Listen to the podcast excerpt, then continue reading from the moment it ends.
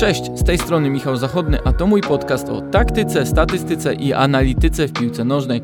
Możecie znaleźć go na Spotify, Google i YouTube. Zapraszam Was też do Viaplay, gdzie analizują i komentują mecze Bundesligi oraz europejskich pucharów.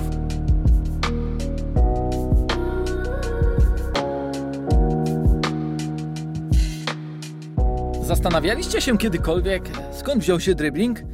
W zasadzie dribbling był samym początkiem futbolu, bo zanim ktoś pomyślał o podaniach, to właśnie prowadzenie piłki było podstawowym sposobem zdobywania kolejnych metrów w stronę bramki przeciwnika.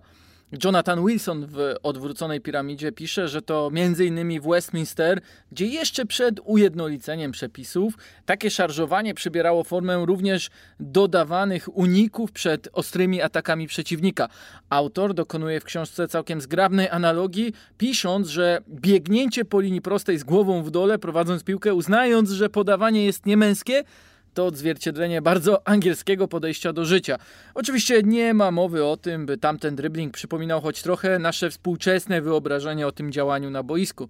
Chodziło bardziej o wprowadzenie piłki w wolną przestrzeń niż tworzenie przewagi w pojedynkach, nie mówiąc już o umiejętnościach technicznych czy atletycznych, koniecznych obecnie do wykonania skutecznie jakiegokolwiek zwodu. Tak na dobrą sprawę, to w Argentynie narodził się kult gambety, czyli slalomowego prowadzenia piłki. Również w Ameryce Południowej powstał zwód ciałem, czyli przekonanie rywala odskokiem, że idzie się w jedną stronę, by ruszyć z piłką w drugą. I tak z czasem na wyspach z tego całego driblingu pozostała głównie fizyczność, a futbol południowoamerykański stawał się wzorem driblingu. E, Wilson przywołuje porównanie jednego dziennikarza z pierwszych lat po II wojnie światowej, który pisał, że dla Anglików Piłka nożna to ćwiczenie siłowe dla Brazylijczyków. Po prostu piękna gra. Anglik, e, widząc zawodnika dryblującego przez trzech rywali, mówiłby o niedogodności, a w Brazylii nazwano by go wirtuozem. W Polsce to również Anglik dał pierwszy pokaz dryblowania, czy jak nazywano tę technikę w tamtych latach w naszym kraju, wózkowania. William Calder e, potrafił przejąć piłkę i mijać po kilku rywali, także dzięki swojej sile fizycznej nie pozwalając nikomu na odbiór.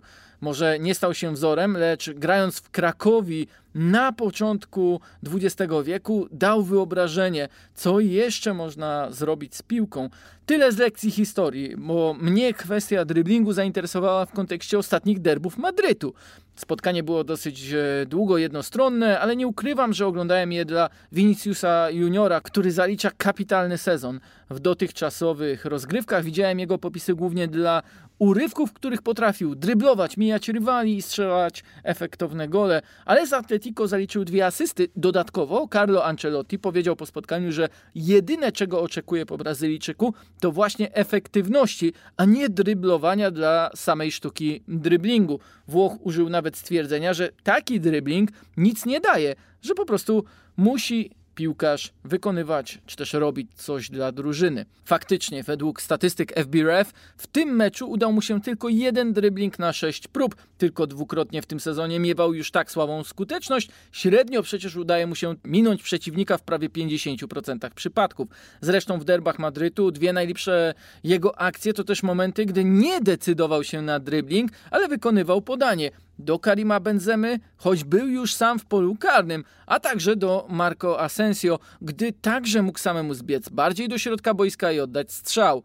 Słowa Ancelottiego oraz gra Viniciusa, czy też kierunek rozwoju tego zawodnika, wedle pomysłu włoskiego szkoleniowca, zastanowił mnie na tyle, że postanowiłem przeanalizować, jak to z tym dryblowaniem we współczesnym futbolu jest. Czy więcej, mniej niż było, ale też jaki jest profil tych zawodników najbardziej aktywnych i najskuteczniejszych.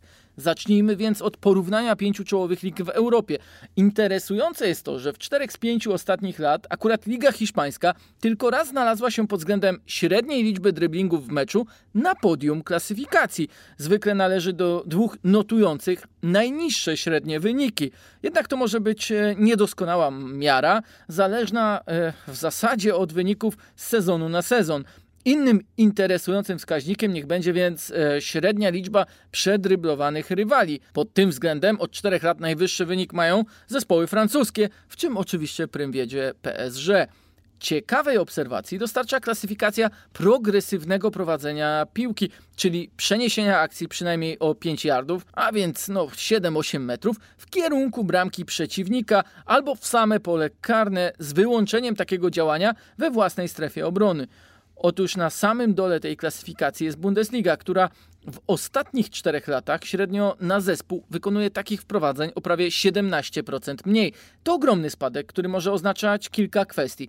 Po pierwsze, że przy wciąż narzucanym pressingu nie ma na to przestrzeni. Po drugie, że brakuje większości klubów odpowiednich wykonawców. I po trzecie, że bardziej wartościowa jest gra podaniem, czy to w kontrach, czy w atakach pozycyjnych. Zwłaszcza drugi podpunkt wymaga rozwinięcia. Po porażce reprezentacji młodzieżowej Niemiec z Polską do kwestii gry 1 na 1 odniósł się uznany niemiecki szkoleniowiec Hermann Gerland, który pracował w Bayernie Monachium z Hansim Flickiem, a obecnie jest drugim trenerem kadry do lat 21. Wskazał on, że na przestrzeni lat skupiono się na grze podaniowej i to kosztowało niemiecki futbol ograniczenie umiejętności dryblerów. Gerland mówi, że zarówno w defensywie, jak i ofensywie w Niemczech od wczesnych etapów szkolenia zbyt duży nacisk kładzie się na zespołowość, nie indywidualizm. Cytując go, jeśli w początkowych etapach będziemy akcentować tylko podaj, podaj, podaj, to nigdy nie nauczymy tych chłopców dryblować. Dalej rozliczamy trenerów i osoby odpowiedzialne za drużyny młodzieżowe bardziej z wyniku zespołu niż z odroczonych w czasie efektów, jakim jest rozwój indywidualny i późniejsza ilość kompletnie wyszkolonych e, seniorów na pożądanym poziomie. To bardzo ważny powód, dla którego trener drużyny U15 czy U17 obawia się krzyczeć podczas treningu: kiwaj, kiwaj, kiwaj i po przegranym pojedynku by spróbował jeszcze raz. Tyle z cytatu z Hermana Gerlanda i jak widać kwestia braku dryblerów zdobywających przestrzeń to nie tylko polski problem czy też polskiego szkolenia. A propos naszego kraju, to jeszcze dodam, że również dla naszej ekstraklasy sprawdziłem wyniki dryblerów. Otóż w czołowej dziesiątce klasyfikacji jest według Wisecout tylko trzech Polaków. Prowadzi Kacper Kozłowski, trzeci jest Rafał Wolski, a dziesiątkę zamyka Jakub Kamiński. Kozłowski i Kamiński są również wysoko w klasyfikacjach progresywnego prowadzenia piłki i zdobywanej tym sposobem przestrzeni, co nie jest zaskoczeniem, gdy po prostu ogląda się ich mecze. Nie powinno dziwić także to, że e, właśnie ich transfery znów będą największymi z ekstraklasy i można się tylko zastanowić, czy ich gra nie powinna stać się wzorem w odwadze, zdecydowaniu i technice wykonania driblingów dla innych młodych zawodników w Polsce. Ciekawe też, czy do tych kwestii poruszanych przez Hermana Gerlanda nie skłonił właśnie Kamiński i jego gra z Niemcami, gdy wiele razy to on tworzył przewagę swoimi przebojowymi rajdami. Wróćmy jednak do Europy. Koncentrowałem się dotychczas na całych ligach, to czas sprawdzić najbardziej aktywne w dryblingu zespoły. W kontekście tego, o czym mówiłem, może być pewnym zaskoczeniem to, że dwie czołowe pozycje w klasyfikacji podjętych prób dryblingów zajmują drużyny z Bundesligi Bayern Monachium i Bayer Leverkusen. Jednak są to wyjątki potwierdzające regułę. W zespołach Juliana Nagelsmana oraz Gerardo Seoane jest po kilku zawodników chętnie wchodzących w takie pojedynki, a nawet można powiedzieć, że podobna jest struktura tych dwóch zespołów. Przykładowo współpraca Alfonso Davisa z Leroyem Sane może przypominać tą Jeremiego Frimponga oraz Musy Diabiego. Każdy z tych zawodników jest szybki, świetnie prowadzi krótko piłkę i podejmuje się driblingów. Do tego Bayer ma Floriana Wirca, który również potrafi w sposób wybitny uwolnić się spod pressingu przeciwnika, a w Bayernie takim zawodnikiem jest Jamal Musiala. Jednak to nie są największe sensacje w czołowej dziesiątce tej klasyfikacji. Oczywiście, że oprócz Bayernu znajdziemy w niej jeszcze piłkarzy Real Madryt, PSG, Barcelony, ale pozostałe miejsca zajmują m.in. Wolverhampton, Saint-Étienne, Olympique Lyon oraz Angers, a więc dosyć niespodziewane ekipy. W barwach tej ostatniej występuje trzeci najczęściej dryblujący zawodnik w pięciu topowych ligach Europy, czyli Soufiane Boufal. Jego liczby w tym sezonie są najlepsze od czasu ostatniego sezonu w Lille, przed transferem do Southampton, gdzie w 3 lata zaliczył tylko 3 gole i 5 asyst w Premier League. Może po prostu nie pasował do sposobu gry angielskiej drużyny, choć i on mocno się w ostatnich latach zmieniał. Może też to efekt tego, że na wyspach jest o taką skuteczność w grze jeden na jeden trudniej. Buffal jednak w tym sezonie szaleje. Jego trener Gerald Batik mówi, że jego wyjątkowość w tym elemencie gry polega na wszechstronności. Po prostu Buffal potrafi wykonywać różnego rodzaju dryblingi. Ma instynkt, który pozwala mu właściwie reagować na małej przestrzeni, a także zbierać informacje przed otrzymaniem podania. Jest jednak oczywiście i druga strona medalu, którą podkreśla Batikl. Chociaż Buffal to artysta w tym, co robi, to średnio traci na mecz zbyt wiele piłek. Zbyt często te dryblingi to sztuka dla sztuki, co frustruje kibiców, którzy widzą inne, lepsze opcje dla drużyny. Chociaż trener nie zakazuje mu dryblingu w konkretnych strefach, to jednak wymaga większej skuteczności. Na ten sam problem zwraca uwagę Wahid Halichodzic, czyli selekcjoner reprezentacji Algierii, który mówił, że oczywiście Buffalowi nie można odebrać tej magii z gry, ale dla swojego dobra piłkarz musi szukać lepszych rozwiązań, bo w kadrze nie może tracić po 20 piłek w meczu. Każdy ze szkoleniowców podkreśla, że najlepszy drybler w ich drużynach może być skuteczniejszy i jeszcze ważniejszy dla całości, gdy odnajdzie właściwą równowagę w swojej decyzyjności. Czyli tyczy się to najlepszych dryblerów, niezależnie od tego, czy grają dla Angers czy Realu Madryt. Ciekawe w statystykach driblingów jest również to, że w Europie najwięcej przedryblowanych rywali mają na koncie w tym sezonie zawodnicy bardzo do siebie podobni. Adama Traore oraz Alain Saint-Maximin. Pierwszy ma prawie 75% skuteczność w driblingach, drugi powyżej 63%, jednak Łączy ich nie tylko skłonność do driblingu, swoboda jaką dostają trenerów, czy nawet sylwetka, ale również styl gry ich drużyn. Reaktywny, oparty na kontrach, takich wyskokach indywidualności. Newcastle jest na przedostatnim miejscu w tabeli, wygrało ledwie jeden mecz. Wolverhampton oczywiście radzi sobie zdecydowanie lepiej, ale w całej Premier League tylko ostatnie Norwich City strzeliło mniej goli, a Traore nie ma jeszcze żadnej strzelonej bramki ani asysty. Saint Maximin pod tym względem jest liderem Newcastle, bo ma trzy trafienia i trzy ostatnie podania, jednak w przypadku żadnego z nich nie można powiedzieć, że ich postawa stanowi o kluczowej różnicy w wynikach zespołów.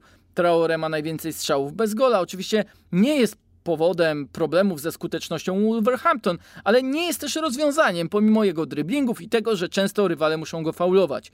Może też także z powodu jego skuteczności, nie myśli się o nim w poważniejszych klubach. Krótko mówiąc, nie potrafi on złapać tej równowagi między efektywnością a efektownością, o której mówię w odniesieniu do dryblingu, o której mówią też cytowani przeze mnie trenerzy. W tym kontekście ciekawy jest przypadek Jacka Grealisha, a więc również efektownego dryblera, który może nie należał do tych najczęściej podejmujących próby, ale był za ten element na pewno ceniony. Jednak po transferze do Manchesteru City zastanawiano się, czy również u Guardioli będzie miał taką swobodę jak w Aston Villa. Otóż jest zdecydowanie mniej aktywny, nawet jeśli częściej zdobywa przestrzeń progresywnym prowadzeniem piłki.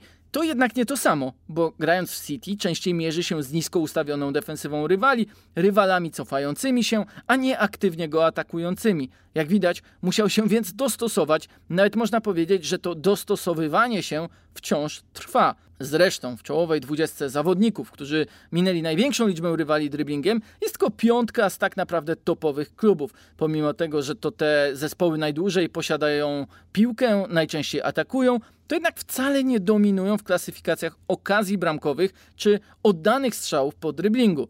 Dryblerzy pewnie czują się tam, gdzie w ataku mają przyzwolenie do bycia indywidualistami. Jeśli spodobał Ci się ten odcinek podcastu, to zapraszam do subskrypcji moich kanałów, pozostawienie komentarza, polubienia lub podanie tego odcinka dalej. Dzięki i do usłyszenia.